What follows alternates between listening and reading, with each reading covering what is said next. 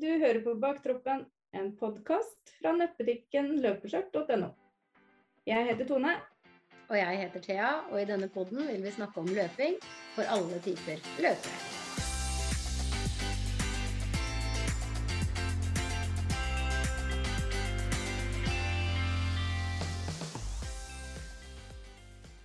I dag har vi med oss en gjest som har vært på det norske langrennslandslaget, og hun har vært profesjonell løper i mange år.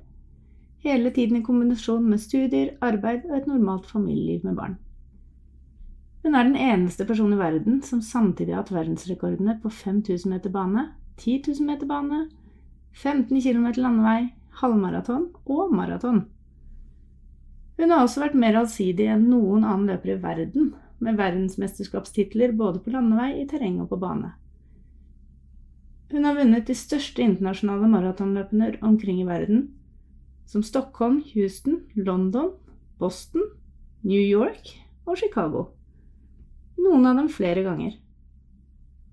Denne dama veit hva hun snakker om når det gjelder løping, og i dag snakker vi om hvordan løpere på alle nivåer kan trene smart, også vi i baktroppen. Ingrid Kristiansen, velkommen. Ja, tusen takk. Gøy å være her, da. Veldig glad for at du ville være med. Ja, altså, jeg syns det er morsomt å være med overalt. Jeg, for eh, jeg bruker å si at ingen er for gode og ingen er for dårlige. Så det er veldig fint at noen eh, tar tak i de som løper litt sakte, og, og får tankene rundt eh, hvordan de tenker i forhold til løp og konkurranser, trening og alt sånt. Så syns jeg det er interessant. Ja. Det er veldig bra. Nå skal vi snakke om terskeltrening. Ja. Hva det egentlig er. Men først kan vi jo bli litt kjent med deg. Du kan jo fortelle kort om deg sjøl, hva du driver med i dag. I dag driver jeg altså Team Ingrid Kristiansen. Vi er en familiebedrift, da, men det er vel stort sett mest jeg som holder på, for det er jeg som har mest tid. Eh, jeg driver og trener folk på alle nivåer. Stavgang, løping, langrennskurs er jeg også. Så, men det er noe de siste åtte-ni årene så har jeg drevet mest med å prøve å motivere folk til å løpe. Og, og, og ta gjerne, starte gjerne med en terskeltest for å se hvor landet ligger. Og det er eh, alt ifra de som eh, ønsker og greier og kanskje har som et mål hvis de, å springe 10 km på 65 minutter. 70 mm. minutter, mange sånne. Eh, og så har du de som ønsker å springe 10 km på 31 minutter. Så det er et stort spekter her. Men det som er viktig, mm. er at jeg som da eh, såkalt eh, gammel toppidrettsutøver, greier å sette meg, det, sette meg, ned på det nivået og høre hva kunden ønsker. Og gir det kunden ønsker å ha, ikke hva jeg mener i utgangspunktet, hvis de skal nå måla sine, at jeg må gjøre sånn. Må det, ja, må det. For det er ingenting man må. Det som er viktigst, er at man har det gøy på prosessen fram mot det målet man har satt seg. Og hvis man ikke når målet, så fortsetter man bare å jobbe mot det målet. Det er ikke noe sånn at det setter en strek at ja, men det gikk ikke. Nei, men ja, kanskje det holdt på litt for kort tid. Ja, kanskje ja. du må et halvt år til for å nå det målet. Mm.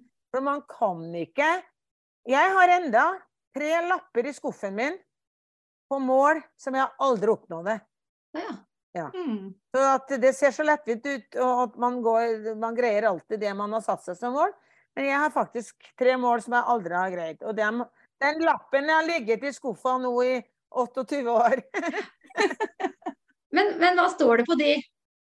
Det, ja, det står det 29,50. Det var 10 000 meter. 2,19,50 eh, tror jeg det var kom og maraton. Og så var det vel, jeg husker ikke om det var halvmaraton på 1.05,50. Altså ja. det var sånne mål jeg hadde, da. Og ja, ja. de nådde jeg aldri fram til. Nei. Men sånn er livet, vet du. Man når ikke alle mål. Nei. så det er sånne ting jeg jobber med. Altså, jeg føler meg ofte like mye som en psykolog. Eh, selvopplært psykolog. For det er veldig mange temaer som blir tatt opp. Mm. som eh, folk prøver å, å, spørre meg om, så sier jeg det kan jeg ikke. Men jeg kan jo prøve å, gi deg noen tips på hvordan jeg gjorde det her og tenkte når på vei opp for å nå de målene jeg satte meg. Og så er jeg så heldig at jeg har stavgangsgruppe med veldig mange voksne damer. Mm. Der har jeg to fødselsleger, to meget oppegående damer, og, og psykologer, så jeg har alltid noen jeg kan spørre om råd, hva jeg ikke skal si, spesielt hva jeg ikke skal si til folk. For at du kan jo ha din mening, men hvis den meningen min er helt feil i forhold til når du ikke er psykolog, da, eller ikke er uh, spesialist, så er det litt viktig å vite hva er det jeg ikke skal si.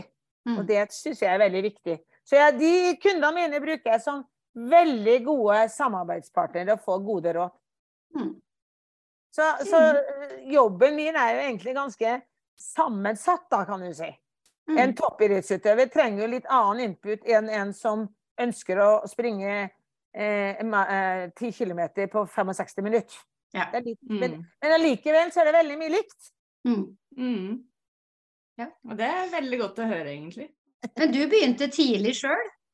Ja, altså jeg begynte med langrenn når jeg var tolv år. Mm. Og, og gikk langrenn til jeg var 24. Da var jeg ferdigstudert og var på landslaget, juniorlandslaget, seniorlandslaget. Var med i OL og var med i VM på ski. Mm. Men når jeg var ferdig studert, så kunne jeg ikke drive med det, for at det var ingen som ville ansette en person som aldri var på jobben. Så derfor så eh, sluttet jeg å gå på ski, og så begynte jeg å løpe litt mer seriøst. Jeg hadde jo holdt på med det før, men da var det liksom litt mer sånn at da kanskje jeg skal heller konkurrere som løper istedenfor å konkurrere på ski. For da trengte jeg ikke smuling, jeg trengte ikke alt det der. Så da var det bare å begynne å løpe frem og tilbake til jobben.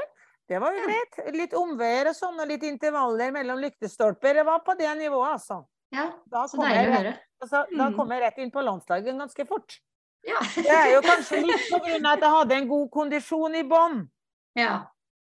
Å ha et godt grunnlag hjelper veldig godt. Så da er det veldig viktig at man ikke begynner for hardt. Så jeg begynte helt ufaglært. Bare trente som, som jeg syntes var ålreit. Mm. Av og til tok jeg det, to lyktestolper, én lyktestolpe rolig. Annen gang så kunne jeg kanskje springe tre minutter, og så ett minutt pause. Var helt på hæren alt. Helt Mm. tilfeldig. Ja. Veldig fint å høre at til og med du har starta sånn. Ja, med lyktestolpene. Jeg har tatt Ja. i lyktestolpene så Ja, mange ganger. Ja, ja. Da slipper du å bruke klokka. Det er det Ja, ja. jeg syns var så fint. Ja, det, vi hadde jo ikke de klokkene som man har nå. Nei. Nei. Nå har du jo klokker som du kan stille inn eh, hvor lenge du skal løpe hvor lenge du har pause, men det fantes ikke den gangen. Så da tok jeg lyktestolper. Og det funka veldig bra. Men det er litt vittig, da, for du sier liksom jeg begynte på det nivået, så kom jeg ganske kjapt inn på landslaget. Så vi, vi mista liksom litt Ja, men da var jo jeg 24 år og hadde vært veldig aktiv hele livet. Jeg hadde allerede sprunget maratonløp. Jeg var jo en av de første jeg, jeg tror det var den første norske damen som sprang maraton på norsk jord. Ja, fantastisk. Og det var i 1977, høsten 77. Og da trente jeg for å være, bli med på VM på ski i 1978, på vinteren 78. Mm. Sånn at eh, jeg var jo Jeg hadde jo trent en del. Sant? Mm. Ja, så jeg var ikke helt nybegynner. Og hadde da en grunnkondisjon som var veldig bra. Mm. Mm. Og når Ja. du er 24 år og grunnkondisjon som er bra, og er liksom på, så, så gikk det veldig greit. Og da kan det jo sies at da fikk vi ikke lov til å løpe lenger enn 1500 meter Nei. Nei. den gangen. Og det var ikke langt. 1500 og 3000. Tenk det. At det har vært liksom regler på det. Ja, det var regler på det. Fikk ikke lov til å gå for langt. Så det var litt sånn ukurant det der å springe maraton, altså. Ja, ja. Ja. Men når man avvikler en sånn idrettskarriere, holdt jeg på å skulle sagt, hva, hva Ja. gjør altså, Stopper du å løpe da? Er det, forsvinner motivasjonen da, eller fortsatte du? Å ja, når jeg la opp etter at jeg hadde fått tre barn, Ja. Nei, da fortsetter jeg. Da bare setter jeg meg på et annet nivå, og så har jeg glede av å trene. Glede av Av og til så løper jeg, av og til går jeg, av og til sykler jeg, av og til ror jeg. Alltid Altså, å være fysisk aktiv er en like naturlig som meg, for meg som å pusse tennene. ja På en eller annen måte. Men jeg måler det ikke i form av at jeg har høy puls, eller hvor fort jeg løper, eller går. Men jeg liksom, ja, jeg er ute en time, eller jeg er ute en og en halv time, eller jeg er ute 45 minutter. Så det går mer på hvor lenge jeg har tida, eller hvor lenge jeg syns det er deilig å være ute, eller kroppen min tåler. Ja.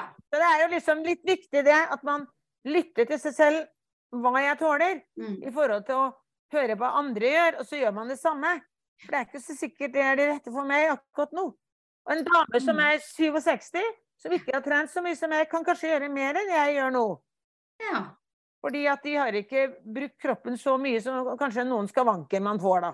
ja, ikke sant. det er jo liksom litt forskjellig motiva- motivasjon man har. Men mottoet for meg, når jeg motiverer folk, er at du ikke gjør mer enn du kroppen din tåler. Nei, For det er ingenting som er verre enn å bli skada. Mm. Det Mm. gjelder uansett hvilket nivå du er på. Mm. Det er kanskje noe, Dere kjenner dere igjen, jeg vet ikke om dere Jo, jo, alle har vel vært litt der. ja, ja. ja, det. Og det er liksom litt viktig. Ja. Ja. Men har du merka noe til det etter, etter mange år på asfalt, liksom? Er det, har du slitt med knær? Nei, jeg har ikke noe dårligere knær og dårligere. Jeg har, jeg har kjempevondt i en skulder. Så Ja. etter å ha 9000 km i året i all, mange år, så er det skuldra mi som eh, har tatt Å, ja. Ja. Jeg har litt vanskeligheter for å bruke armene når jeg går på ski. ja, riktig. Ja. Men eh, ellers så Ja, selvfølgelig. Knærne er ikke som de var. Ja, ingenting som er som de var, men det funker. Ja, og det er ikke sikkert det har noe med løping å gjøre heller. Ja, det, det er absolutt ikke jeg. Jeg har jo den filosofien at jeg tror det er verre å sette den dagen jeg setter meg ned, så er jeg ferdig. Ja, Mm. det er mange som sier det. Litt i gang er Mm. nok litt lurt. Men er du med på mosjonsløpet i dag? Nei, jeg er ikke det, altså. Jeg har siste altså jeg, Noen ganger så har jeg vært med på noen mosjonsløp hvis jeg har vært et sted og holdt kanskje et foredrag eller hatt en treningsgruppe, og så har de et løp, så er jeg med. Men Mm. ellers så har jeg vel lovt min mann, for at når jeg får startnummer på meg, så tar jeg i. Det er jeg god for der og da. Og han mener at når jeg har holdt på så mye i så mange år, og jeg har ingenting å bevise, så syns han det er bedre at jeg står på sidelinja og heier.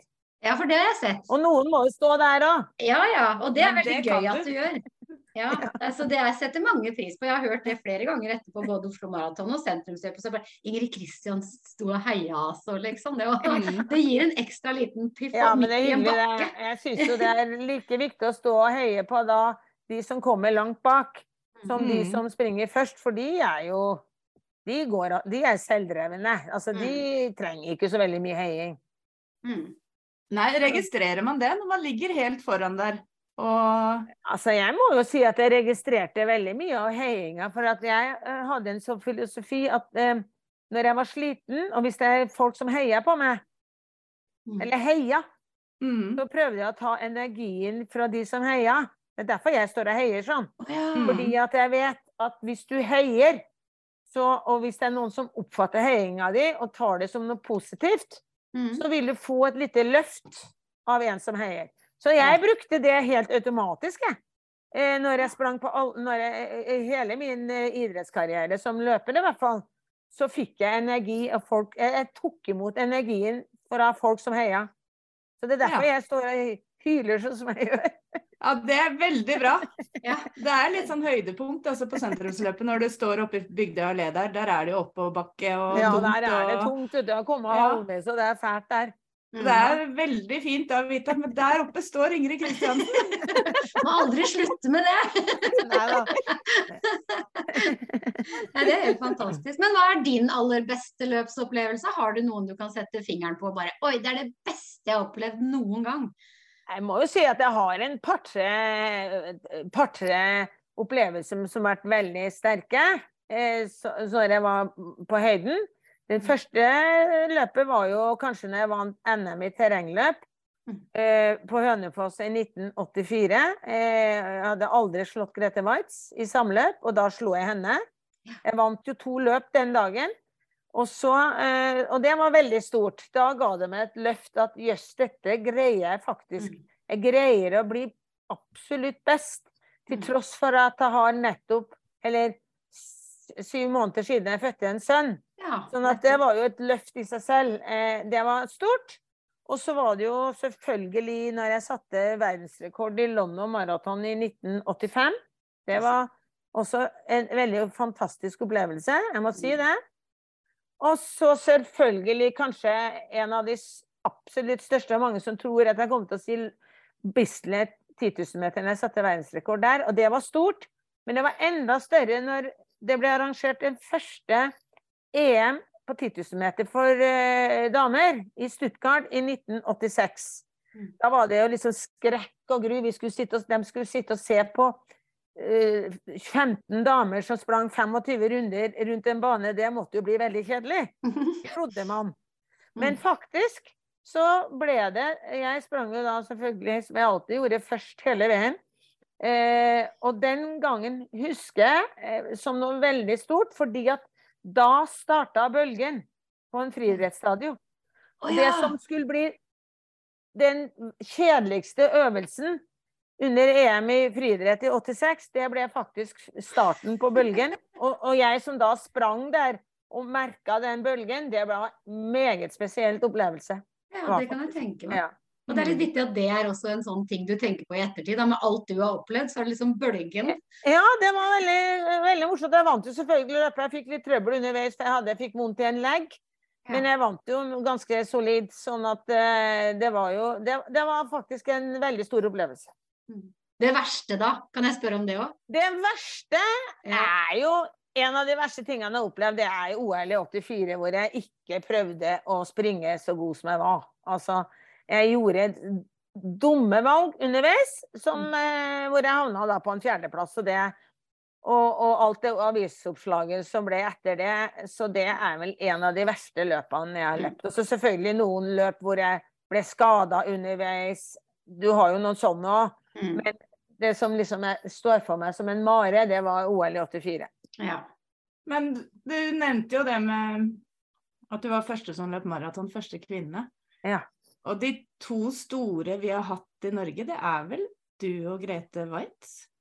Vi har jo ikke, det er jo ikke noen menn, er det det? Ja, altså, vi, altså, vi hadde jo altså, vi har jo Vi har faktisk noen menn som har gjort det bra. Og det er jo, ingen, det er jo en kjensgjerning at herreklassen er det tøffere å, å, å, å, gjøre det godt i. For det er mange flere som, Mm. eh, som er med. Vi har jo menn som har sprunget på 2,10, som har fulle jobber Ja. på 80-tallet. ja. Og vi har jo også eh, en av de første som hevda seg bra, som ble nummer åtte, eller, eller ble nummer ti i den første maratonen i 83, når Grete vant. Ja. Eh, VM, første VM i, i maraton. Da ble Stig Roar Husby nummer ti. Mm. Og sprang Mm. veldig bra. Så vi har menn. Men, men den gangen var det sånn at eh, media skrev mer om oss to damene som hevda oss, for vi Mm. vant. ja. Mens de gutta ble nummer åtte og ti. Og det var liksom ikke noe å skrive om. Mm. Men de hevda seg. Det er, ikke, det er ikke veldig mange menn i Norge som springer på 2,10 i dag, altså. Nei. Nei, det er nok ikke det. Så det er det er- faktisk Vi har menn. Stig Roar Husby, eh, Geir Kvernmo, Øyvind Dahl, for å nevne noen. Mm. Så eh, de blir veldig fort glemt, dessverre. Mm. Mm. Ingen som vet hvem de er. Nei, for vi hører jo om det media skriver om, så det er jo Ja ja, vi blir påvirka av det, vet du. Ja. Men eh, datteren din Marte er jo ambassadør for løpeskjørt. Ja, Så vi vet jo at hun løper. Men eh, løper alle? Hele familien deres? Ja, altså løper og løper. Altså Mannen min var jo ganske god i sin tid. Han sprang jo halvmaraton på 1.08, han òg. Ja. Eh, og sprang maraton på 2,34, så, så han var jo ganske god. Men, men, eh, men disse andre ungene eh, Eldstemann løp en stund. Eh, han er jogger nå. Han jogger Mm. litt, han er aldri med i konkurranser. Mm. Eh, yngstemann han ble eh, var- vel den som har vært mest aktiv, men han syntes, det, han syntes det var greit å løpe. Men han ble syklist. Terrengsyklist, og, og han var med på Uno X-laget eh, som landeveissyklist til han ga seg. Men nå er de joggende, løpende, bruker løping som en eh, fristund og for å holde seg i form. Så jeg vil vel kanskje si at de løper, men de er ikke så veldig konkurranseretta. Nei. Nei. Men har du noe god sånn tips? Hvis, vi snakka litt om motivasjon i forrige episode. og det er litt, Har du et kjempetips hvis noen sier vet du, at jeg gidder ikke mer jeg nå, Ingrid. Jeg orker ikke å ut og løpe mer, liksom. Jeg er helt tom. Da er det vel antageligvis noen som har tatt i for mye, eller har lagt lista for høyt. Når man starter altså man, Jeg har en sånn kunde nå som har noen venninner som er veldig spreke, og hun er ikke så sprek. Mm. Hun var hos meg for en par-tre år siden og kom tilbake nå. For da sa jeg da må du ikke ta hensyn til disse venninnene dine, du må begynne der du selv er. Mm. Og kanskje du må gå mer enn du løper i starten. Mm. Det er en fin måte å starte på.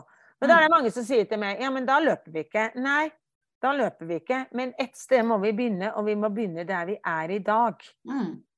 Og hvis du, hvis du ikke har løpt noe særlig, eller har løpt eh, en stund, og så ikke fått noe fremgang, så har du kanskje eh, Eller stagnert, da. Da har du kanskje starta litt hardt. Og så får du ikke fremgang, og da blir motivasjonen dalende. Derfor så prøver jeg så godt jeg kan å få folk til å begynne på det nivået de er. Og så sier jeg til dem Og da skal jeg love deg at du får fremgang. Men det går litt sakte fremover. Ja. Ja, Som Mm. regel så går det veldig bra, altså. Jeg Mm. har jo folk som har vært her, og han eh, Det var en mann. Han eh, hadde omtrent ikke løpt. Han hadde aldri løpt. Og han hadde blitt kjæreste, ny, fått seg en ny dame da, i en alder av eh, eh, slutten av 40-årene. Og nei, han kunne ikke løpe. Men så fikk han i gave av den nye kjæresten da, en time hos meg. For hun hadde Mm. hatt så kunde, og så forklarte jeg en sånn og sånn. Og han kjøpte jo det helt pang. Og så begynte vi. Og han hadde ei kunde som, i to år, og han har løpt både halvmaraton og 10 km. Og han holdt seg skadefri og syntes dette var kjempegøy. Men han Mm. kunne ikke løpe sammen med denne nye dama, da. For hun ble jo for god for han, så når hun løp veldig rolig eller gikk en del, så var de sammen. Men nå springer de sammen. Ja, Det er liksom å, å innse hvor man er. Og det er ikke så enkelt Mm. å Nei. innse hvor man er. Det er nok ikke det. Og det har noe med Og så sier jeg, men jeg er jo bare 30, og hun som springer fra meg her, hun er jo 50. Ja, men hun har kanskje gjort litt mer enn deg før. Så du må liksom, selv om du er bare 30, så må du begynne der du er. Mm. Men det er, vi er, vi er Det er menneskelig, det der, altså. Mm. Jeg er der, ja. Nå må jeg innse at ja, nå er jeg 67. Nå må du bare innse at det er mange som springer fra deg eller går forbi deg på ski. Mm. Men du har like mye glede av dette her. Så det er liksom å Hvorfor driver man med dette? Jo, fordi at man syns det er gøy. Det Mm. er ikke en plikt, men det er for at du syns det er gøy. Ja. Det er en av de faktorene som jeg prøver å gi eh, Om det er motiverende eller om det er demotiverende, vet jeg ikke. Men, men å starte der man begynner, og så ikke gå for fort fram. Mm. Mm. Ja, det er veldig bra. Det er faktisk veldig viktig, altså. Mm. Nå driver jo du ditt eget, eh, ditt eget, så folk kan jo bestille time hos deg. Ja, det kan de. Og, Ja. det har, og du kan si, jeg har jo også det jeg har fått veldig mye av det siste, eh, ikke veldig mye, for jeg vil ikke ha for mange, eh, Mm. det er at jeg har kunder fra hele landet, faktisk. Mm. Eh, fordi at de gjerne vil følges opp. Sånn at, eh, og så er de kanskje på Garmin Connect. Jeg er ikke på Strava. Jeg har vært på Strava, men jeg, der er det så mye sånn Facebook eh. Eller det, Mm. det, det, det blir så, de blir så veldig påvirka av hverandre og, og sånn der. Så jeg sier hvis du er på eh, Garmin, da kan jeg følge deg på Garmin. Mm. Og da ser jeg Da får folk som blir fulgt opp De har gjerne vært her innom en gang, og så uh, analyserer vi. Og så ser jeg hvis du har lyst til å bli fulgt opp, få noen treningsprogrammer jevnt og trutt, og at du skal få tilbakemelding fra en som kommer med både kjeft og ros. Det er viktig, det. ja. Eh, på Garmin Connect. Og da vet jeg liksom Oi, nå hvis det er f.eks. en som ikke har vært der på fem dager, og den bruker å trene tre ganger i uka, Mm. så sier jeg oi, jeg håper du ikke er skada eller syk. For nå har du ikke vært på Garmin på mange dager. Eller du kanskje glemte av å lade opp klokka di. Mm. Sant? Og så Mm. får jeg gjerne et svar tilbake. Å, så hyggelig at du følger med. Mm. Til og med jeg som springer så sakte og nesten bare går. Ja. Ja, men det er jo like viktig. Det er jo like viktig for deg, det du driver med, Mm. som hun som har tenkt å komme på landslaget. Sånn at Mm. det, den, der har jeg merka at uh, jeg, jeg har ikke en kopimaskin på å sende ut treningsprogram for en som har tenkt å springe halvmaraton, har som mål å springe under to timer, så sender jeg et sånn kopimaskin, og så sier jeg at Mm. dette er programmet for deg. Mm. For det er ikke sånn det fungerer. For at kanskje man er jo så forskjellig hva man trenger av tilbakemeldinger, trenger av input, Mm. eller Mm. trenger av, eh, eh, av måten du kommer fram til det målet som du har satt deg, da. Og der er jo folk veldig forskjellige. Noen kan jo trene fire ganger i uka, og noen kan trene fem ganger i uka, for det har de tid, og det tåler kroppen. Mm. Noen Mm. tåler ikke mer enn tre ganger i uka. Så det er, eller du må gå litt, sykle litt, ta litt styrketrening. Så det er veldig individuelt. Og, og, derfor så er sånne kopiprogrammer litt skumle, syns jeg, da. Mm. For der står det ofte hvor fort du skal løpe. Hvis du Mm. har tenkt å springe halvmaraton under to timer, så får du beskjed om hvor fort du skal springe. Mm. Og jeg Mm. prøver å si det må du ikke bry deg om. For at du greier sikkert ikke så fort nå, men du, at du er ute i to timer, to timer pluss, det er viktig. Og så kommer Mm. Så kroppen din blir vant med å være ute i to timer. Mm. For det er jo viktig. Når du skal være ute og jobbe i to timer i konkurranse, så må du ha vært ute noen totimersturer. Ja. Men du Mm. må ikke springe to mil. For det kan være litt for mye igjen. Mm. Mm. Eh, For da kan du få for mye vondter. Mm. Det er Mm. forskjell på å være ute i to timer og springe to mil. Mm. Mm. Ja, det er jo Men fantastisk. at man kanskje én gang i la meg si en måned før du skal springe da, den tomilsturen, eller Mm. to uh, Altså den derre halvmaratonet på to timer, så kan du prøve å springe litt fortere enn det du gjør da. Men du skal ikke prøve deg på maratonfarten din. For det er eh, Eller halvmaratonfarten min. Det blir for hardt. Tror Mm. jeg, da. Ja. Så det, fart er ikke jeg så opptatt av, for det kommer gjerne som et resultat av at du trener riktig ja. når du Mm. kommer til konkurransen. ja. Og hos deg så kan man kjøpe løpeprogram. Ja ja, det Ja. kan man. Mm. Mm. Og det er jo genialt. Og da er det liksom mer det der, der at eh, men, men det er ofte da at jeg gjerne vil ha at man skal bli på en måte når man har en Hvis man tar en La oss si noen måneder, da. Dattera mi også driver med dette her, og hun er veldig flink til å følge opp folk på det der, der. For hun har jo vært, har ikke vært så god som meg, da. Hun er, ikke, hun er litt mer Hun har jo master i folkehelse. Mm. Hun har jo lært litt mer om kosthold også i forhold til disse tingene. At hvis det er noen som ikke får i seg nok næring, eller noen som har i seg feil næring, så kan en få råd hos henne på det i samme slengen som når man skal trene. For det er, jo, alt er jo samla her. Man Mm. må ha nok Mm. næring, for at hvis du blir energitom, Mm. så greier du ikke å gjennomføre det du ønsker. Eller hvis du spiser for mye av en eller annen sort mat, kanskje noe du ikke tåler, da er det jo det også dumt. Og det er mange som spør meg også hva skal man drive Ja, hva, hva, hvilken eh, sånn eh, gel brukte du når du drev og løp? Så sier jeg det fantes ikke gel når jeg drev og løp. Så der kan jeg dessverre ikke hjelpe dere. Men det jeg sier da, det er at det som er viktig, hvis du har tenkt å være med på et langt løp og du trenger gel, så må du øve på at kroppen Mm. din mottar gelen som du Du må øve på hva er godt å få i, få i Mm. seg. Gjerne på en litt hard tur, selv om Mm. du ikke trenger gel da. Sånn at kroppen eh, får denne gelen, eller hva det er det heter, alt det her, eh, når du tar i litt, sånn at du ser om maven ikke Mm. slår seg vrang, eller om du greier å få den ned, rett og slett.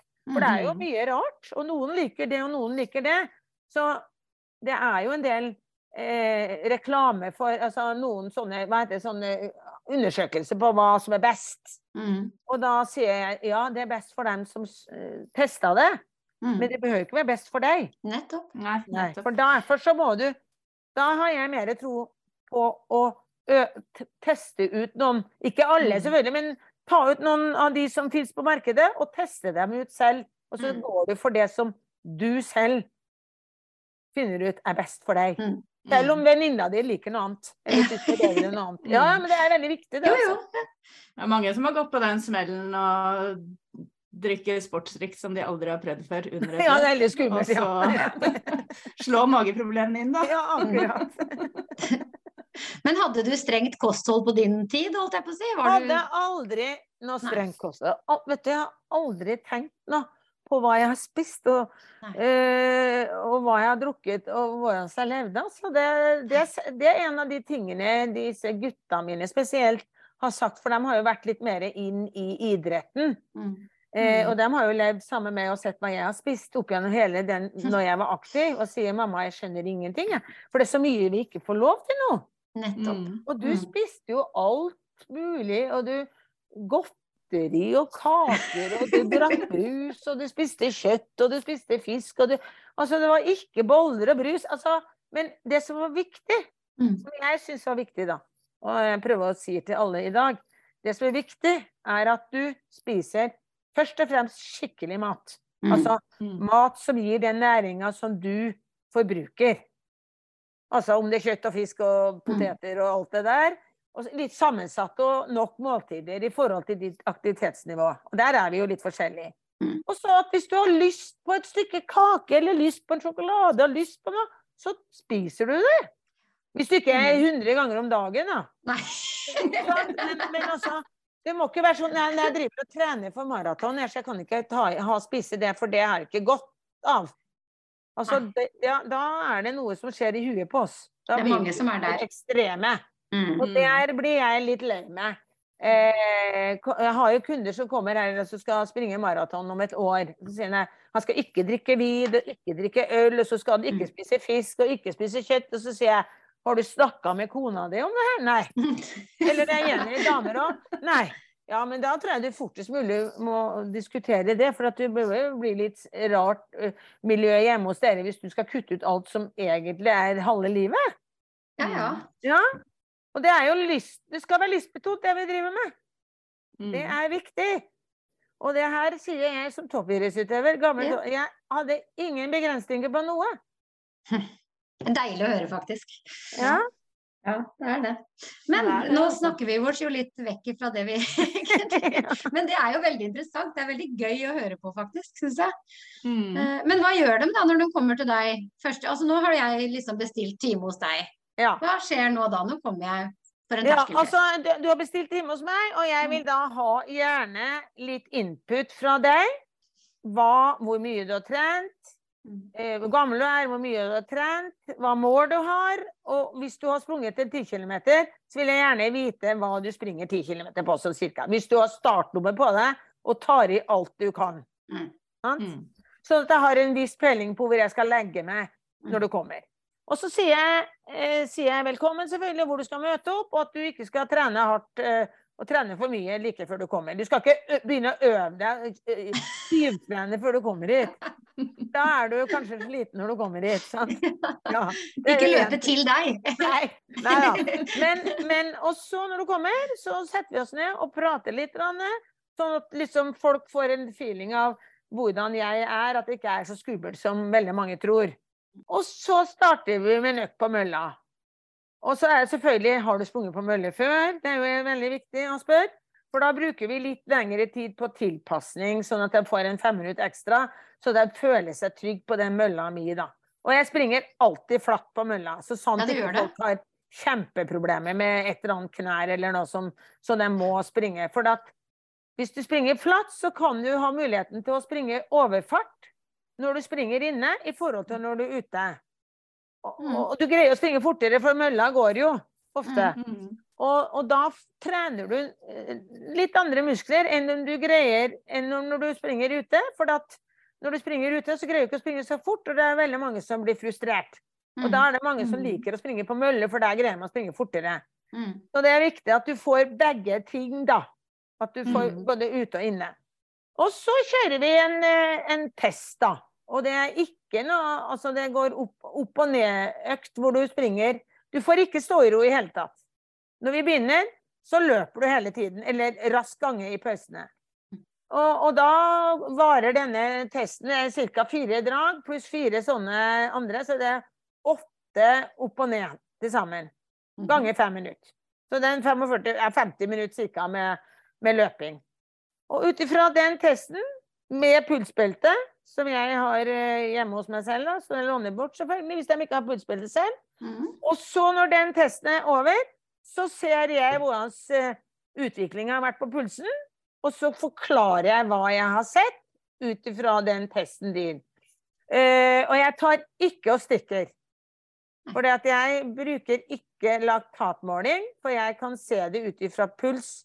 Og jeg syns det er veldig viktig at folk lærer seg når nok er nok, ved at- du bruker pulsklokka di, eller at du også kjenner at ja, dette var hardt nok. Mm. Eller at, ja, sånn at det merker man jo. Du kjenner når syra kommer. Jeg regner med dere kjenner når syra kommer. Og der skal man ikke trene. Det er det. Så når de fleste som går hjem herfra, de får beskjed om å trene roligere enn det de har gjort. Oh, ja. Mm. ja. 95% av de som kommer her, trener for hardt i forhold til det nivået de er på. Og det syns jo veldig mange er veldig rart. Mm. Men de Mm. gjør faktisk det, altså. Hmm. Mm. Rolig er det nye fort. ja, ja.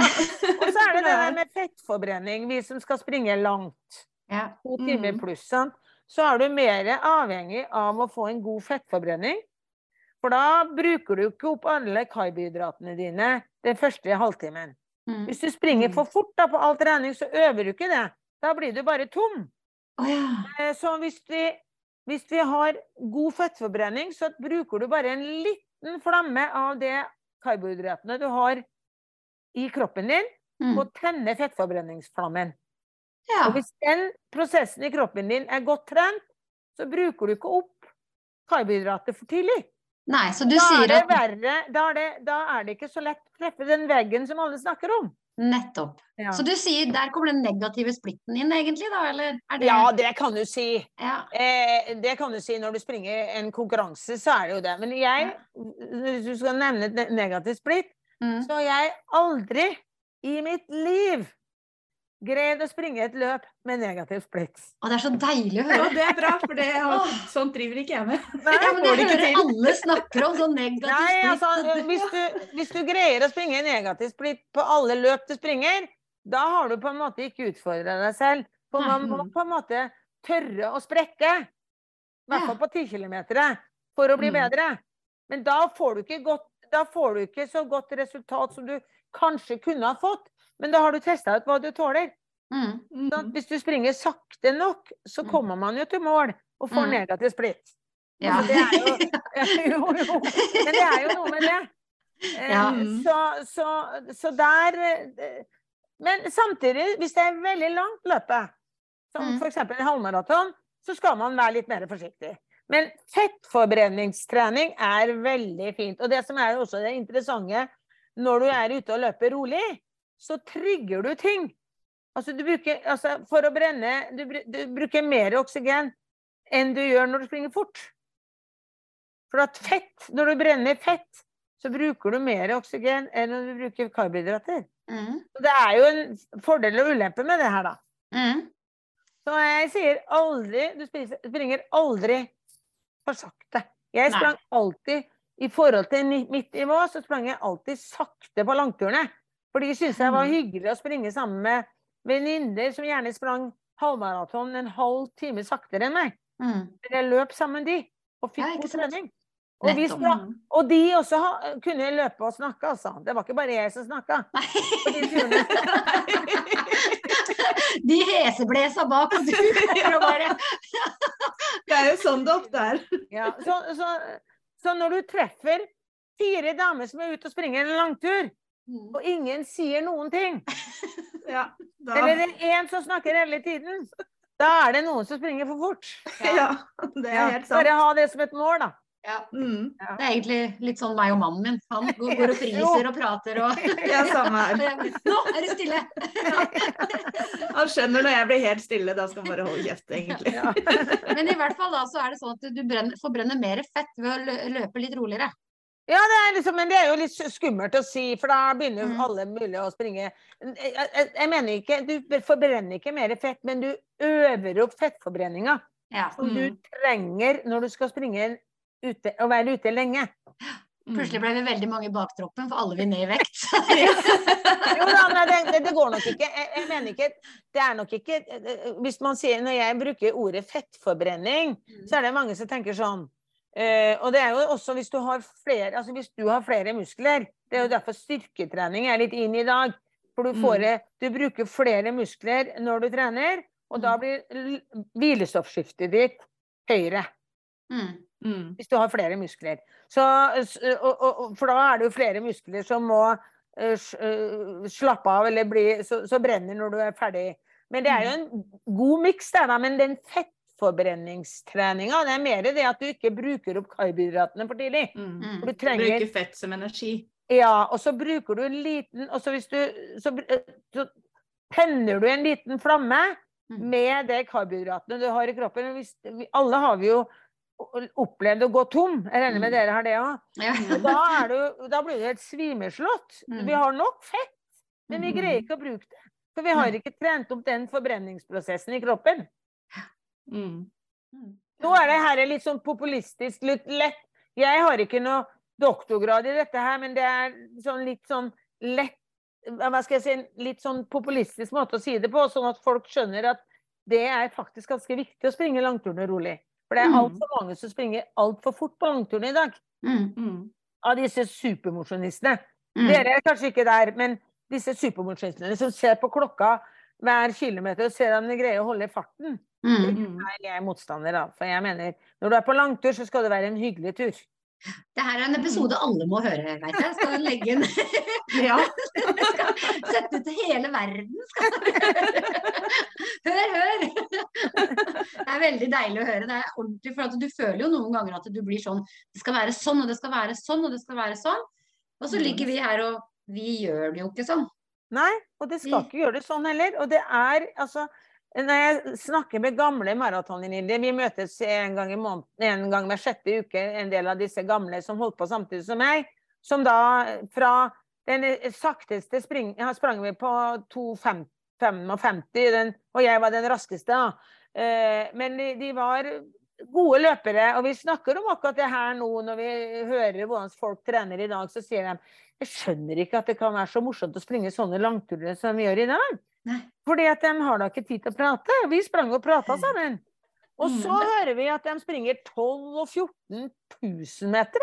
Eller de springer 1000 meter fort, 1000 meter rolig, 1000 meter fort, 1000 meter rolig 15 ganger. Når de trener, så sier jeg hjelpe meg. Altså, vi skjønner ikke at det kan være noe morsomt. Altså, det, det, hva er det man trener på da? Trener på å bli utslitt. Mm. Ja, jo, altså, det er noe med det. Og, og det her er damer som hadde fulle jobber, og de sprang jo ganske fort. Mm. Og de var jo altså, unge og løpende. altså, Vi hadde jo mange som var mer hva skal jeg kalle det, baktroppen den gangen. Og som, som eh, f.eks. Nettie Kaggestad. Hun begynte jo å trene etter at vi var i New York et år. Mm. Og sa ja, nei, kanskje jeg kan prøve å springe maraton om et år. Ja. Hun syntes jo vi var rare, da, men hun begynte jo. Hun hadde jo tre unger og, jobb. Og en mann som omtrent aldri var hjemme. For jo, han var jo, hadde jo 100 jern i ilden. Men året etterpå, sa han, men hun var jo uh, ung, han var jo ca. noen og 40. Eh, året etterpå sprang hun New York Marathon på 3.20. Oi. Og det er imponerende. Og hun drev ikke med noe sånn avansert. Hun var bare ute og lufta seg og sprang når hun kunne, og, og gikk når hun kunne. Og liksom, skjønner du hva jeg mener? Du må ikke gjøre det så vanskelig. Det er det jeg vil fram til. Nei, jeg tror det er derfor jeg klarer å følge dine løpeprogram, de som du lagde til Løpskjørt Ja, ja. for et par år siden. ja. For de er ikke så Jeg må ikke løpe til jeg spyr. Eh, Nei. De er ikke så harde økter. Det er liksom mest fokus på rolige. Og så når, de er, når det er mer fart, så er det jo mer fart. Men Ja, ja, ja. eh, Men det er det, da, så skal du tenke seg sånn at kanskje denne uka gikk det veldig fint. La oss har rett. Og så har du eh, Så gjør du det samme, da. Kvaliteten tre uker senere. Mm. Så går det Mm. plutselig litt saktere, eller de går tyngre. Mm. Og da er det veldig mange som blir stressa for at de har blitt dårligere form. Men det det veldig mange glemmer, hva har jeg gjort den siste tiden? Hvilken input har jeg fått fra andre arenaer i livet mitt? Mm. Bare en nyhet på eh, TV-en eller radioen før du går ut, kan være nok. Altså, krigen starta Mm. Kro- eh, Mm. Kroatia. Nei, Kroatia, sier jeg, Ukraina. Mm. Det kan være nok til at du blir helt utslitt bare ved tanken på å tenke på alle de som har det forferdelig. Mm. Så, så, så, og, eller at du får en annen beskjed, en, en trist melding eh, fra en venninne, eller, eller det motsatte. At du har hørt noe kjempemorsomt eller noe hyggelig før du farer ut, og så blir du veldig opplagt. Så, Mm. eller du har vært på en fest. Du har sovet dårlig. Altså, det er så mange faktorer som spiller inn. Mm. Så når man må Mm. liksom øh, ikke ta én og én økt i gangen og si i dag gikk det ræva, i dag gikk det bra. For det kan være årsaker til det her. At det gikk, gikk veldig dårlig, i hvert fall. Det må dere ha med dere òg, for det er det veldig mange som glemmer. De glemmer helt De er i tre båser. Den ene båsen er jobben, Mm. og den andre båsen er familien. For de som har det, da. Mm. Og så den tredje båsen er trening. Mm. Og så er det, og så er det veldig mange damer som er veldig pliktoppfyllende. De er 110% på jobben, Mm. 110% på hjemmebane og 110% på trening. Og det Mm. sier jo seg selv at i lengden går ikke det. Hvis du er 110% på jobben, så må du jekke ned på noe annet. Mm. Der var jeg Mm. veldig god, skjønner du, for at jeg, jeg, jeg passa på at jeg ikke var for, var for mye på altfor mange arenaer. Mm. Det er man jo. Når man har små unger, så er, har man jo ikke noe kontroll på hvordan unger sover og sånn. Og da måtte jeg bare skjære ned på treninga. Mm. Og det som var det interessante da, det at jeg ble mye bedre. Nettopp. For jeg gjorde mindre.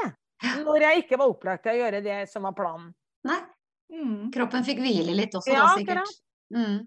Og en annen ting som jeg kanskje kan være interessant å si her, det er at jeg har jo vært toppidrettsutøver og har fått veldig mye programmer Mm. av trenere som, eh, som mente at dette var det jeg trengte å gjøre. Men jeg har aldri i mitt liv greid å følge et program til punkt og prikke.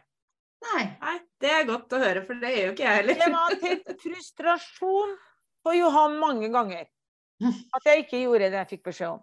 Og så sa jeg, men du skjønner at jeg, den, altså, jeg har ikke sovet nok, jeg har amma to ganger i natt, det gikk ikke. Så husker jeg han sa til meg at ja, men da Ingrid, da må du eh, senke liksom Da må du ikke ha de målene du har, for at da er du redd for at du ikke greier det. Og så etter da, etter jeg slo Grete i i Hønefoss den gangen, satte europarekord i maraton, Mm. så sa han som følger Kjempebra, Ingrid, du fortsetter sånn. Det er tydelig at du greier en veldig balanse i livet ditt som er Mm. riktig for deg. Som er Mm, riktig for deg. Men vi kan jo diskutere oss fram til hva jeg syns, og så kan vi møtes på halvveien. Og det gjorde de resten av karrieren min, da. Som ble en suksess, egentlig. Så det kan det. det være en trøst for noen at hvis du ikke greier å holde programmet, hvis det liksom er hver dag det skjærer seg, så er det jo noe annet. Men hvis det er en annen gang du merker at du ikke greier det som er satt opp, så Mm. kanskje gå deg en tur, da. Mm. Alt er bedre enn sofaen, bruker jeg å si. Ja. Det bør ikke være trening. Alt er bedre enn sofaen. Men du hadde ikke så mye styrketrening, er det det du sier? Nei, jeg hadde ikke så mye styrketrening, altså. Men du, så kan du si hva er styrketrening? Det, det, Mm. det du sa da, det populariserte på styrketreninga nå, da, at du har eh, Det er jo markløft og alt det der vekttreningen, Ja, ja, har flytte på jern. Jeg har aldri i mitt liv hatt en vekt på skuldra og tatt knebøy. Aldri. Nei. Nei. Og aldri hatt vekter på og tatt utfall heller. For jeg er redd for utfall, for da var jeg redd for knærne mine. Jeg gjorde den styrketreninga jeg gjorde Selvfølgelig, jeg gikk jo mye på ski, Mm. som er styrketrening i seg selv. Jeg hadde kanskje en kropp som eh, Gener som gjorde at jeg tålte mye mer enn veldig mange. Mm. Eh, det vet jeg ikke. Men eh, jeg gjorde vel kanskje to ganger i uka 15-20 minutter Mm. styrketrening. Og da tok jeg sånn god gammeldags eh, sirkeltrening som de fleste hadde vært med på. Mm. 45 minutter, sekunder med en øvelse, og 15 sekunder slapp av. Ja. Sånn. Mm. Åtte øvelser som jeg gjorde på rundgang. Og da var det viktigste var jo mage-rygg. Selvfølgelig, den er jo viktig for alt. Mm. Planken og vanlige situps og sånn. Og så hofteleddsbøyerne, veldig viktig for oss som springer langt. Sånn at du greier å holde skrittlengden oppe hele tida. Eh, på hele løpet. Mm. Hvis, hvis du er svak i hofteleddsbøyene, så greier du ikke å holde skrittlengden. Og da, hvis du har samme frekvens, så vil jo du springe saktere, selvfølgelig. ja. Det, Mm. hvis, du, hvis du begynner med én meters skrittlengde, da, den første halvtimen, og så blir det neste halvtimen 90 cm, Mm. og så blir det 80, så blir det 70. Og du har samme frekvensen på beina, så går det saktere og saktere. Så er- derfor er hofteleddsbøyerne ganske viktig. Mm. Og det er jo mange øvelser du kan gjøre. Det ta situps med feste, eller sitte og ro med beina opp sånn. Og det er mange øvelser, men øh, sånn. Det, det gjorde jeg. Og så trente jeg leggene veldig mye. Ja. Mm. Fordi at jeg sprang mye på tredemølle. Mm. Og da, når du springer på tredemølle, så får du ikke trent leggene på samme måten, for da er det jo bakken som flytter seg. Mm. Når du springer på tredemølle, så flytter bakken seg, og du er på samme stedet. Når Mm. du kommer ut, så må du bevege deg fremover, for da er det bakken som står stille.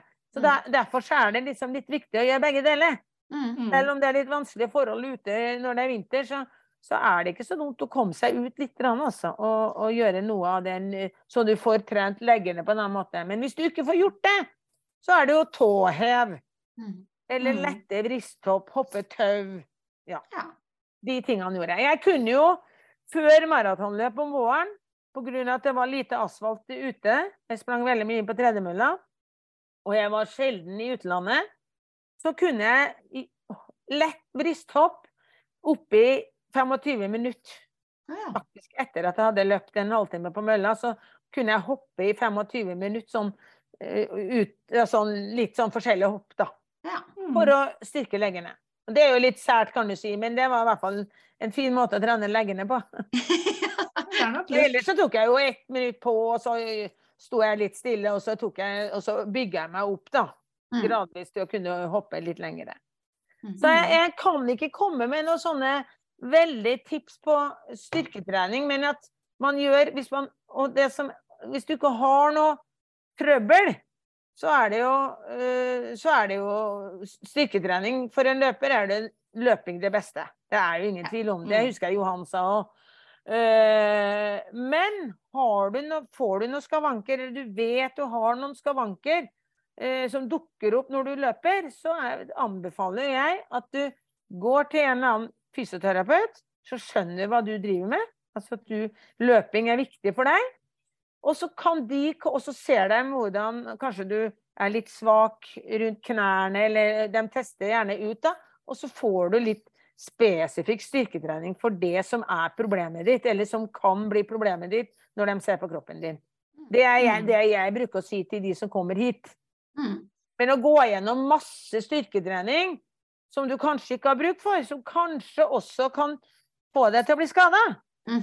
For det er jo det styrketrening. Det er jo folk som har gått på sånn styrketreningsprogrammer på forskjellige steder og hatt PT som har blitt skada av det.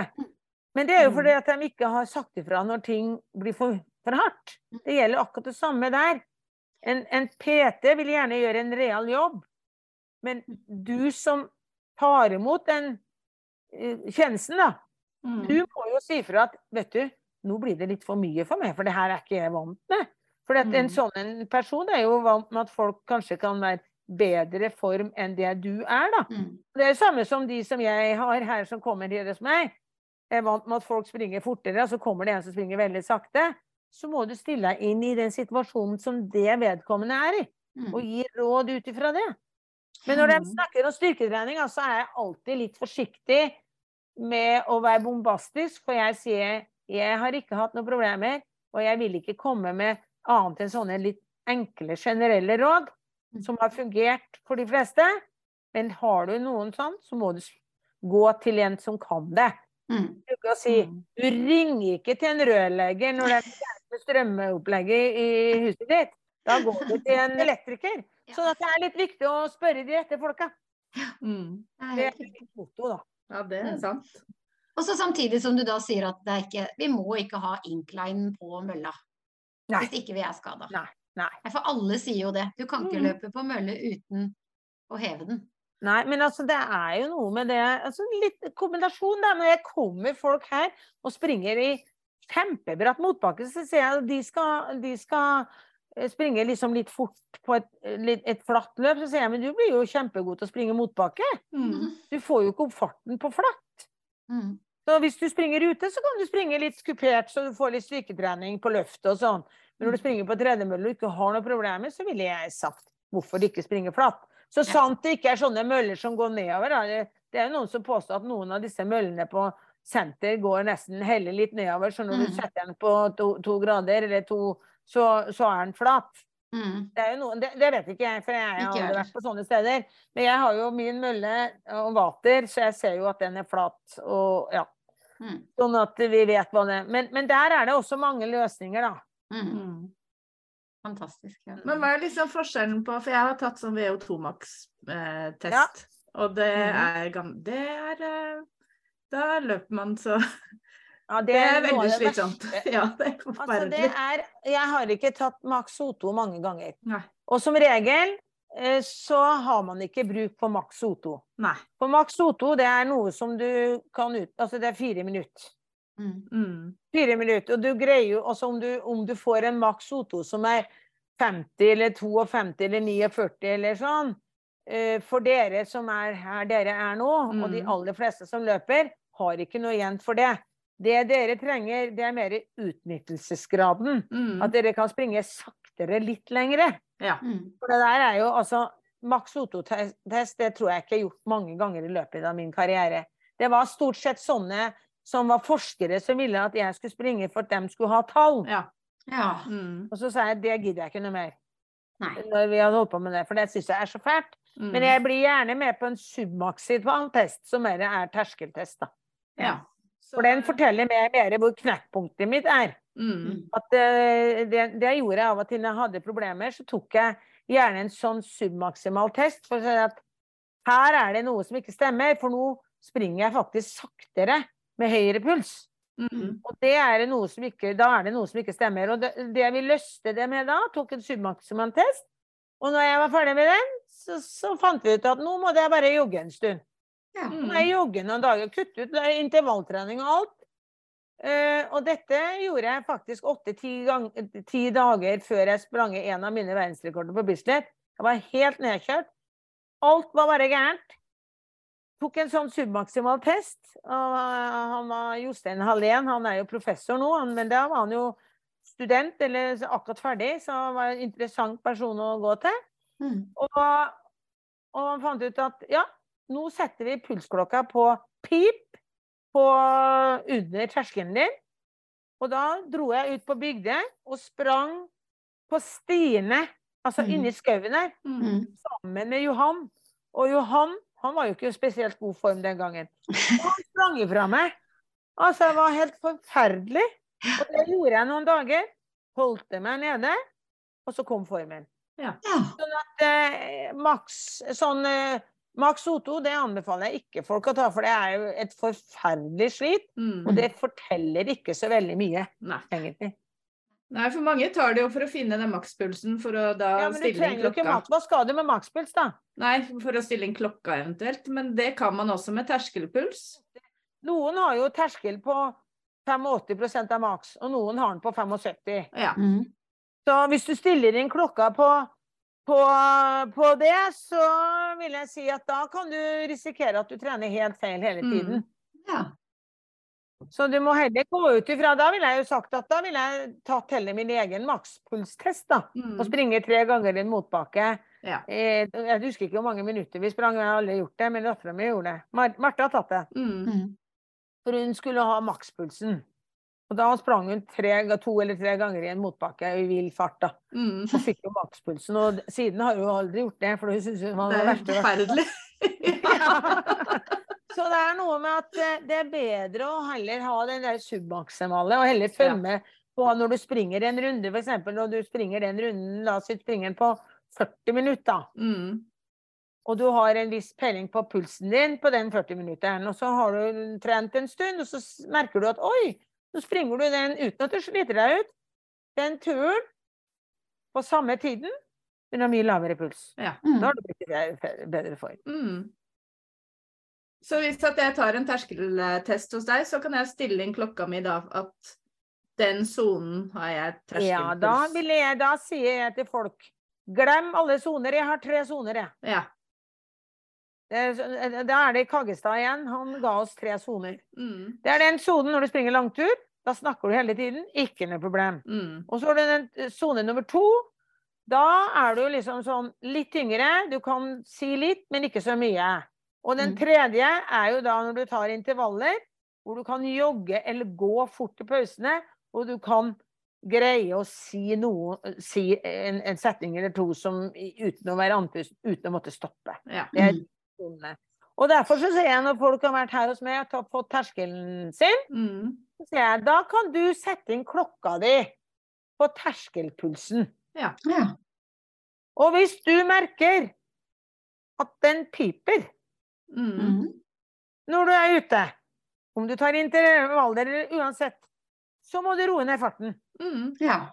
Du blir ikke noe bedre av å kjøre hardere, for da blir du bare utslitt. Og da begynner du øh, å øh, det, Om det er syre eller noe, nå vet jeg jo nesten ikke hva jeg skal kalle det, for jo, vi bruker jo feil øh, Det merker jeg jo. øh, det sier jo Jan Post, og vi bruker jo feil benevnelse på disse her øh, tingene. Men jeg kaller det liksom syra, da. Når syra kommer. Så hvis du har trent for mye over med melkesyre, eller trent for hardt da, med for høy puls, så tar det lengre tid for deg Ja. Mm. komme deg til neste gang du er ute og løper. Hvis du holder deg under den syra Mm. på terskelen, eller under terskelen, så kommer du deg fortere. Mm. Og det er jo en motivasjon i seg selv. At du Mm. kjenner at du blir fortere fresh enn hvis du tar i for hardt. Men det er mange som tror jo hardere, jo bedre. Mm. Men det er heldigvis ikke sånn. Mm. Da hadde ikke jeg vært blitt verdens beste løper, altså. Nei. Nei, det er så godt å si, for det er det... Jeg løper jo sakte, og jeg, jeg hadde en sånn eh, hofte for noen år siden, men det var eh, Den kom ikke av løping, egentlig. Den kom av at jeg satt, tror jeg. Men Ja. sånn utenom det, nå etter at jeg begynte å løpe igjen nå, jeg har jo ikke vært noe skada. Og jeg, det er ikke sånn at jeg føler at Og fordi at jeg løp 15 km i går, så er jeg helt kaputt i dag. Jeg er ikke det heller, for at jeg løper dem så sakte. Akkurat. Og Mm. motivasjonen må jo være at man holder seg skadefri. Mm. For det er jo Skal du ha resultater som du ønsker, så er kontinuitet Mm. det beste verktøy. Ja. At du holder deg i gang. Av og til så kanskje er det veldig sakte, og du føler liksom ikke at det er trening, men du er i gang Mm. uten å være skada. Mm. Og holder det istedenfor å måtte da sitte på en sykkel eller springe i vann og alt det der som man må gjøre, da. Mm. hvis man skal trene og holde kondisen oppe. Sant? Hvis du Mm. unngår det, det unngår du ved at du ikke tar i for mye og, og kjører for hardt i forhold til det den, den kroppen din kan greie å motta. Mm. Mm. Det, er jo, det er jo noe som ikke så veldig mange snakker om. For det er liksom peise på helt Mm. til du sitter der. Mm. Og likevel, selv om jeg trener mest mulig rolig, så klarer jeg å sette opp farta hvis det er en konkurranse. Ikke at det går Ja. så kjempefort uansett, Nei, men jeg setter nei, jo opp farta enn de lavere. Ja, ja, ja, ja, det gjør det. hjelper mot å få fart. Eller Ja, det gjør det. Ja. Det er bedre det enn å springe for fort. i Mm. forhold til det som du kan uh, motta. Det høres antilogisk ut, det her, det her, men det er faktisk ganske logisk. Og alle de folkene som jeg har hatt innom her, veldig mange har jo kommet tilbake og sagt at herlighet, det her trodde vi ikke kom til å skje. Vi Mm. trener jo mye mindre hardt nå enn vi gjorde før. Mm. Og det er litt morsomt. Jeg syns jo det er litt morsomt. Selvfølgelig fins det unntak her, og det er ikke alle som får framgang, det er ikke det jeg sier. Men det er veldig mange som trener mindre hardt og blir bedre, og det syns jeg er en Og de predikerer jo det til venner og bekjente.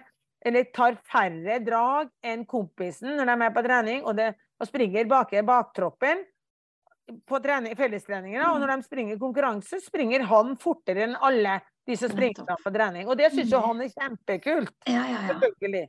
Så det er jo noe er det, Hvor er det viktigst å gjøre det bra? Springer du en konkurranse, så er det morsommere å sette en rekord for seg selv, eller slå venninnen eller kompisen der, Mm. enn å slå det på en intervalltrening som du holder på å dø på. Ja. Mm. ja, for før så løp jeg jo Jeg løp mer intervall, Mm. og jeg løp eh, eh, Jeg hadde ofte sånn Å, nå klarte jeg den runden her på så og så mange minutter. Ja, Neste gang må jeg prøve å løpe fortere. Ja. Og jeg har hatt beininbetennelse, jeg har hatt vondt i knærne, jeg har, hatt- ja, hva har jeg ikke hatt, liksom? Men Ja. nå har jeg jo ikke det. Nå klarer jeg fint å løpe. Men du kan ikke sette rekord hver en gang. Nei, det er ikke mulig. For det er litt lett å tenke sånn. Altså, den runden, da blir det slitsomt å gå ut og trene. Ja. Det er Da helt blir, jo en riktig. hver, da blir hver treningsuke en konkurranse. Mm. Og det er også en litt smart måte å gjøre det på. Det er å springe runden den, den andre veien av og til. Ja. For da blir turen en helt annen. Mm. Så får du juling på litt forskjellige måter. Jeg løp motsatt vei én gang, for det var et sted Ja, ja, men det feil, og det Men det er en øving, og det er faktisk ganske viktig for oss som driver i den bransjen her. For mm. vi blir veldig fort vanedyr. Ja. Mm. Veldig fint ritualer og helt fast.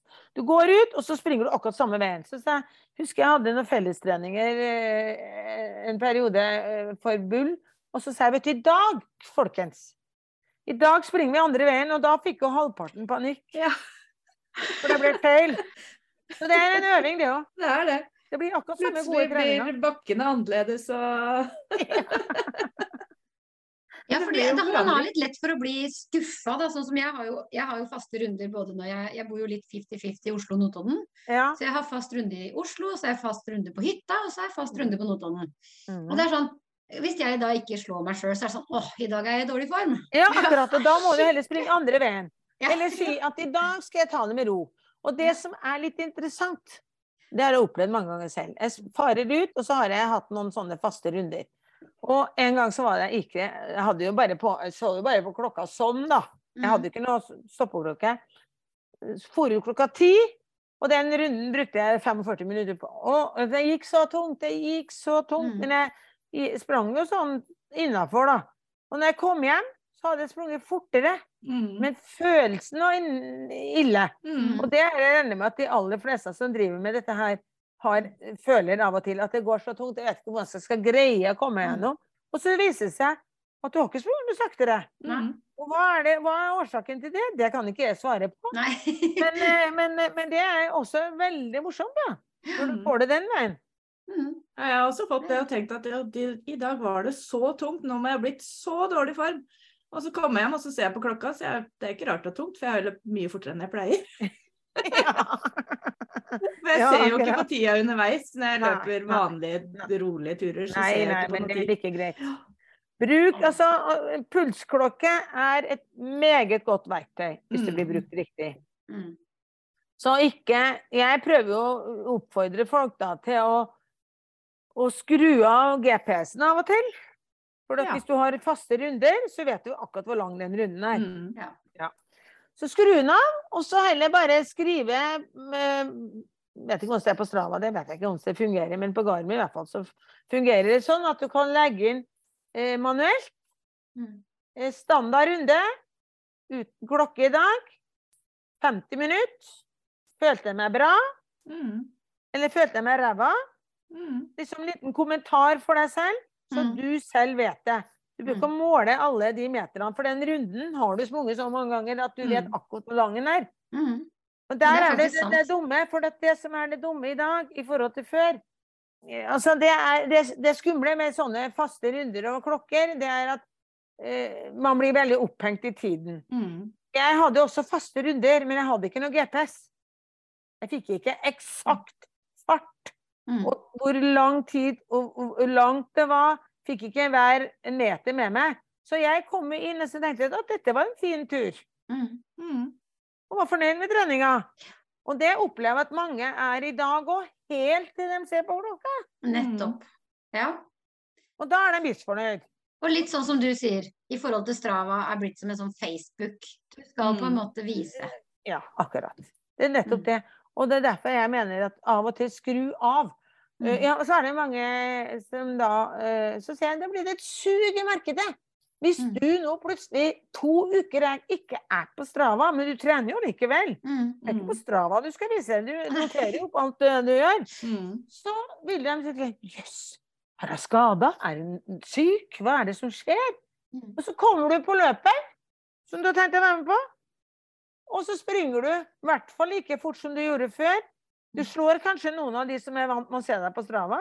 Mm. Kjempekult. Mm. Ja. Så det er liksom, hva er motivasjonen? Det er Mm. det jeg vil fram til. Hva er det som motiverer oss? Er det det at noen ser at du har vært flink på Strava? Eller er det at den gode følelsen du har når du setter deg ned etter en løpetur? Mm. Mm. Mm. Der er jo nå blitt Strava som har blitt motivasjonsfaktoren for veldig mange. Ja, det Mm. ser Jeg jeg. hadde med meg, jeg dro jo sånne turer til Syden eh, med jomfrureiser i sin tid. Og da hadde jeg med meg en en gang. Vi var 15 damer som var sammen, og hadde det veldig morsomt. Og plutselig en dag så var det en som sa nei, jeg blir ikke med på den fellesøkta i dag. Å, hvorfor ikke? Nei, jeg har en venninne som har et segment her borte i lia. Du skal prøve å slå rekorden hennes. Så sa jeg, men. Skjønner du? Så gæren kan det bli. Ja. Det høres ikke ukjent ut. Nei, dette, nå setter jeg på spissen. Mm. Jeg har aldri vært opptatt av det, for jeg har vært opptatt av å springe fort. Når jeg har startnummer på meg og Mm. konkurrerer med de jeg har lyst til å konkurrere med der og da. Mm. Mm. Bare, eh, det her, nå setter jeg på spissen. Ja, ja. Jeg vet at dette her er helt normalt. Mm. De fleste har det sånn. Det er derfor jeg sier dette her. For å få dere til å tenke litt. At Mm. kanskje det er lurt å av og til skru av. Eller Mm. av og til uh, springe andre veien. Mm. Da blir tiden en annen, men da får du litt annen juling. Mm. Kanskje du koser deg mer. Koser Mm. deg mer. Mm. Mm. Få tilbake kosen i løpinga, for å si det Ja. sånn. Ja. Akkurat, akkurat. Ja. Og jeg er opptatt av den kosen. Og, når, og, og, og, dere kaller dere jo braktroppen. Mm. Og det er veldig viktig å få dette inn til de som driver med og jobber tilbake i baktroppen. da. Mm. At ikke de skal gå i det samme fella som den gjengen som må være på alle arenaer fordi at man skal bli sett og være flink og alt det der. Mm. Mm. Lage heller en egen liten gruppe da, Mm. Mm. for braktroppen. Og så Mm. kan man følge med hverandre. i- være på Strava, det kan være noe annet. Jeg vet ikke hva. Men i Mm. hvert fall sånn at man Oi, du, det var flott! I dag tok jeg med, med ro, så jeg. Mm. Mm. Så fint. Eh, jeg regner med at det var for at du var fornuftig. Ja. Mm. Minutter i dag enn du brukte for to uker siden. Eller eh, noen som har vært veldig Kjørt et litt eh, testløp, kanskje, eller gjort noe litt fort, da. Så sier jeg Oi, så flott! Jeg så du sprang ett minutt fortere enn når dere sprang den runden forrige gang. Altså Så man kan gi litt tilbakemelding utenom alt det der hvor alle ser. Mm. ja, ikke sant. Alle ser. For at det, Mm. det, det blir sånn Facebook for løpere, det her. Ja, Mm. det er det det gjør. Det er sant. Mhm. Ja. Jeg er eh, inne på Strava for å sjekke For å ha historikken min der. Det syns jeg er greit. Ja. Men ellers så er jeg ikke inne på Strava. Jeg Nei, men bruker du bare jo, Garmin Connect. jo- hva slags klokke er det du har, da? Garmin, så jeg går inn på Ja, Garmin du kan jo ha historikken din på Garmin. Da. Ja, har jeg det. Jeg har det, jeg. Mm.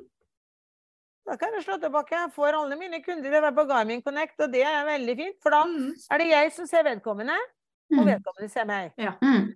Og så sier jeg, jeg må ikke bli redd for Men, men, men det er bare for å øh, fortelle at jeg gjør også noe, da. Mm. Men, men sånn at jeg kan kommentere uten at noen andre ser det. Ja. Nettopp. Mm. Ja. Så det blir kjeft og ros som kommer direkte til vedkommende, som ingen andre ser. Mm. Nettopp. Det blir jo litt sånn at du unnskylder deg litt hvis du er på Strava, vet du, hvis du har hatt en dårlig økt. Er sånn jeg har vært så det, det til stadig står det, Jeg har vært syk en uke, Ja. skjønner du. Ja. Eller ja, det gikk litt tungt i dag, for det var isete. Det er alltid et eller annet. Og det var så mye vind i dag! Ja, ja. det. Ja. Hvorfor, Jeg har vært der òg, jeg. Vi driver jo med en utendørsaktivitet. Hvorfor Det er helt uinteressant om du springer i vind eller ikke. Ja, Ja, ja. Man det er jo- kommentere det? Vind kan det komme på et løp Ja, man er på. det Det. Vind, snø, regn. Ja. Ja, ja. Så akkurat de der tingene så Jeg er jo innom og ser, for jeg har jo noen som er der. Mm. Og da, blir jeg, da ler jeg hver gang jeg ser kommentarene, altså med vind og regn og storm og glatt og, Mm. Ja. og bløtt og Ja. Mm. Jeg har til og med skrudd alle varsler fra Strava. Jeg, trykker hvis... kanskje på en knapp som er litt dum. Det er sikkert mange som føler seg truffet, men det er liksom satt litt på spissen. Ja. At hva er det som motiverer dere? Det er jo Mm. litt motivasjon her. Er det dette som motiverer dere, eller er det mer å senke skuldrene, ha det gøy? Mm. Mm. Og det mener jeg er det viktigste hvis du skal fortsette med dette. For jeg har jo drevet og løpt på forskjellige nivåer helt siden jeg var tolv år. Mm. og nå er jeg 67. Eh, og jeg har vært eh, løper når det har vært inn å løpe, og jeg har vært løper løp, løp, masse når det var ut å løpe. Mm. Mm.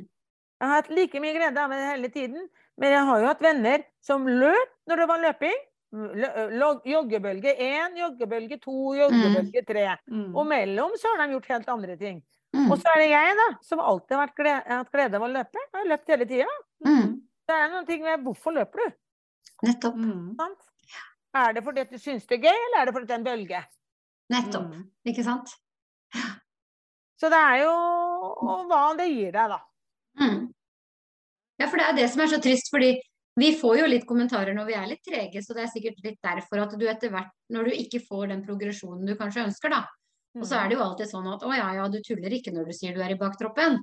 Og, og så blir det jo litt sånn at til slutt Ja. så blir det sånn åh, jeg orker Det er derfor jeg mener kutt ut og, mm. og, og spar dere for å få sånne kommentarer. Mm. Mm. Og da må man ikke være der. Mm. Da må man være sammen. Da må man heller ha en gruppe med en gjeng, baktroppgjeng. Mm. Mm. Og få noe hyggelig. Backe opp hverandre Mm. i oppturer og nedturer. Det er Mm. mye bedre, det. Mm. Og det har vi vel faktisk laga nå. Ja, vi har løpegruppe. Baktroppen løpegruppe. Ja. Og det er jo gøy. Det Det er flott, veldig vet du. For da er vi liksom samme, mange på samme nivå. Nivå. Mm. Mm. Nei, så, så det, er, eh, det er liksom Jeg vet ikke om vi har vært innom noe av det som eh, var tema her i dag. Ja, men sånn er det i eh, baktroppen. Ja, vi har en tendens til å skravle oss bort. Ja. Ja. Nei, men, eh, men eh, Altså, det der Det er veldig viktig at dette er gøy. Ja. Og Mm. alle, uansett Det ser så lett ut å se noen som springer fort foran der. Mm. Men vi har nok omtrent de samme tanker som dere har underveis i et løp. Ja. Når du springer et halvmaraton, eh, ikke så mye på halv forresten, for at jeg sprang jo såpass fort at det, det gikk såpass fort unna. Men når jeg sprang maraton, så hadde jeg 10-15 oppturer og nedturer underveis. Ja. Og det er om å gjøre å tenke riktig Mm. når du er nede for telling, for det er du. Mm. Mm. Altså tankesettet. 'Å, han ser så sprek ut, han og hun som springer ved siden av meg, hun ser så sprek ut, og her er jeg, og vet ikke om jeg greier å komme til mål.' Det jeg regner med det er kjente tanker. ja.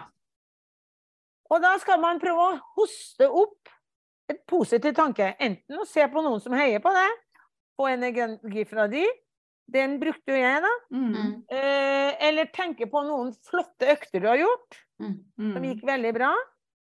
Og så prøve å Eller tenk på noe hyggelig. For da får du tilbake energien. Og så, før du vet ordet av det, så er du oppe igjen. Mm. Og det skjønner ikke hvorfor. Sånn er det å springe lange løp. Mm. Det, det er veldig mye opp- og nedturer, altså. Mm. Mm. Og det har alle. Det er det jeg vil fram til. Ja, ikke sant? Uansett eh, hvor fort eller Uansett hvor hvilket tregt. nivå Mm. man er på.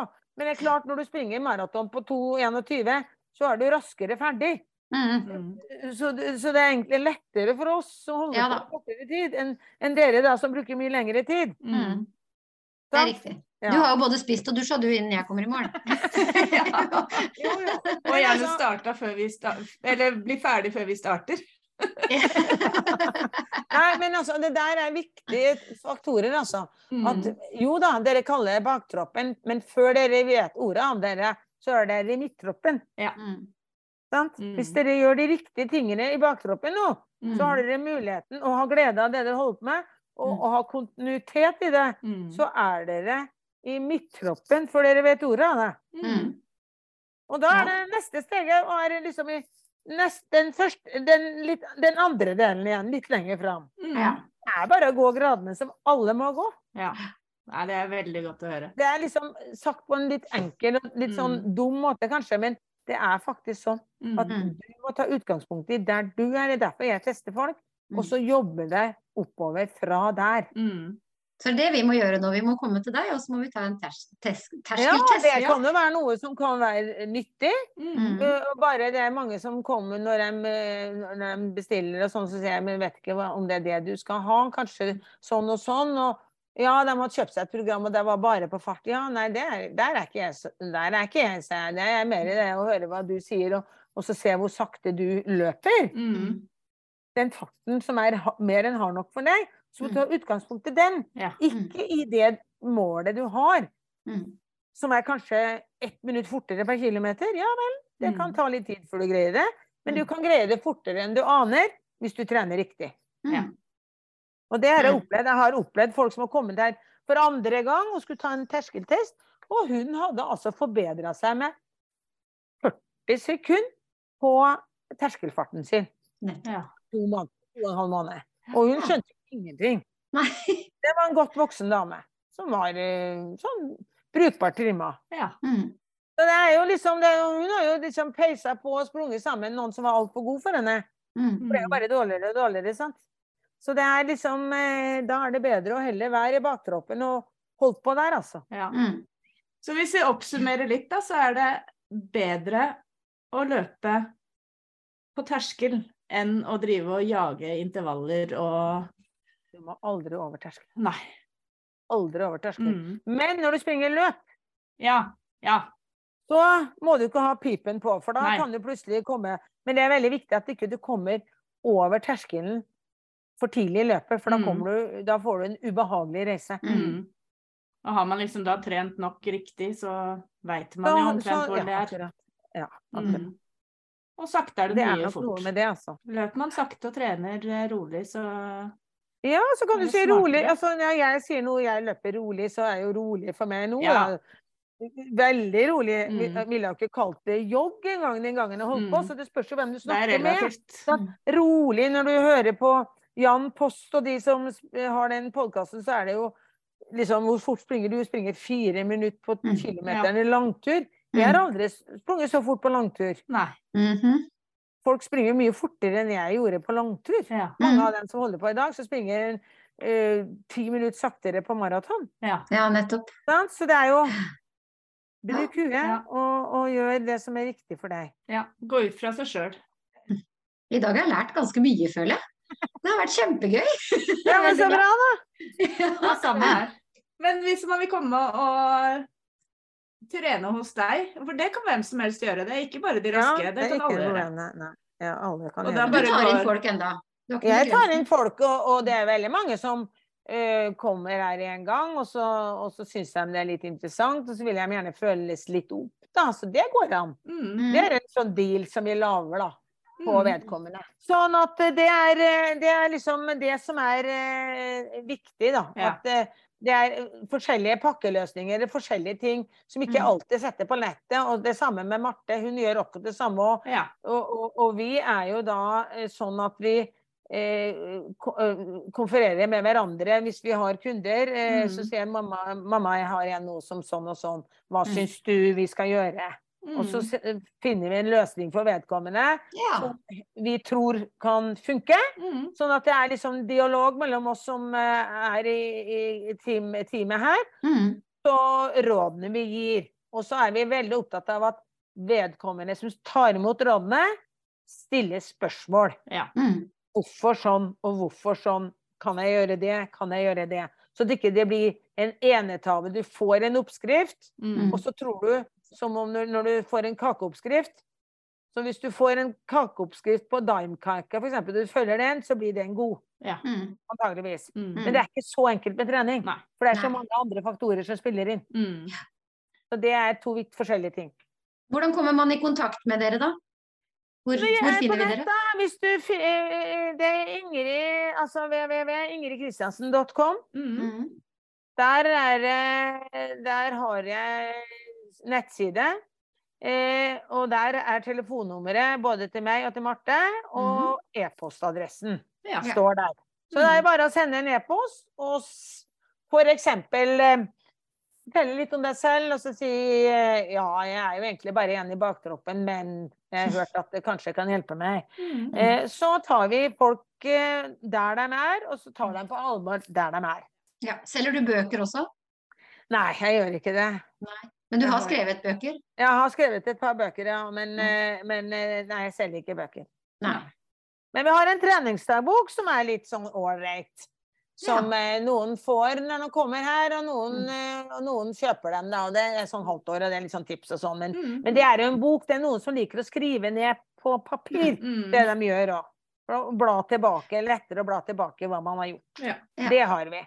Mm. Så hos dere så kan man få da oppfølging med PT og Ja. treningsprogram og sånne ting. Ja. Og så har du stavgangtimer. Ja, det her også, men det her er bare én gang i uka. Ja. Og så er det terskeltest. Ja. ja. Men det Vi skal i hvert fall ta terskeltest.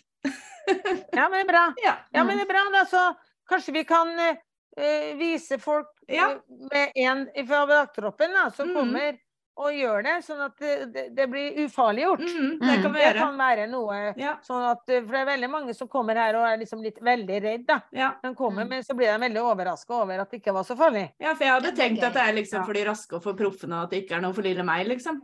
Nei, nei, nei. Mm. Det er det ikke. Nei, det er helt gull. Men tusen takk for at du stilte opp. bra, folkens. Da må jeg bare springe av Ja, gårde. Ja, her. Dette var veldig gøy, i hvert fall. Ja, det var det. Så fint. Jeg håper at dere fikk noe ut av det. Det gjorde vi Masse. masse, så det regner jeg med at de som hører på, gjør òg. Ja. Ja, Så ses vi. det gjør vi. Ha det. Takk skal du ha. Ha det. Ha det.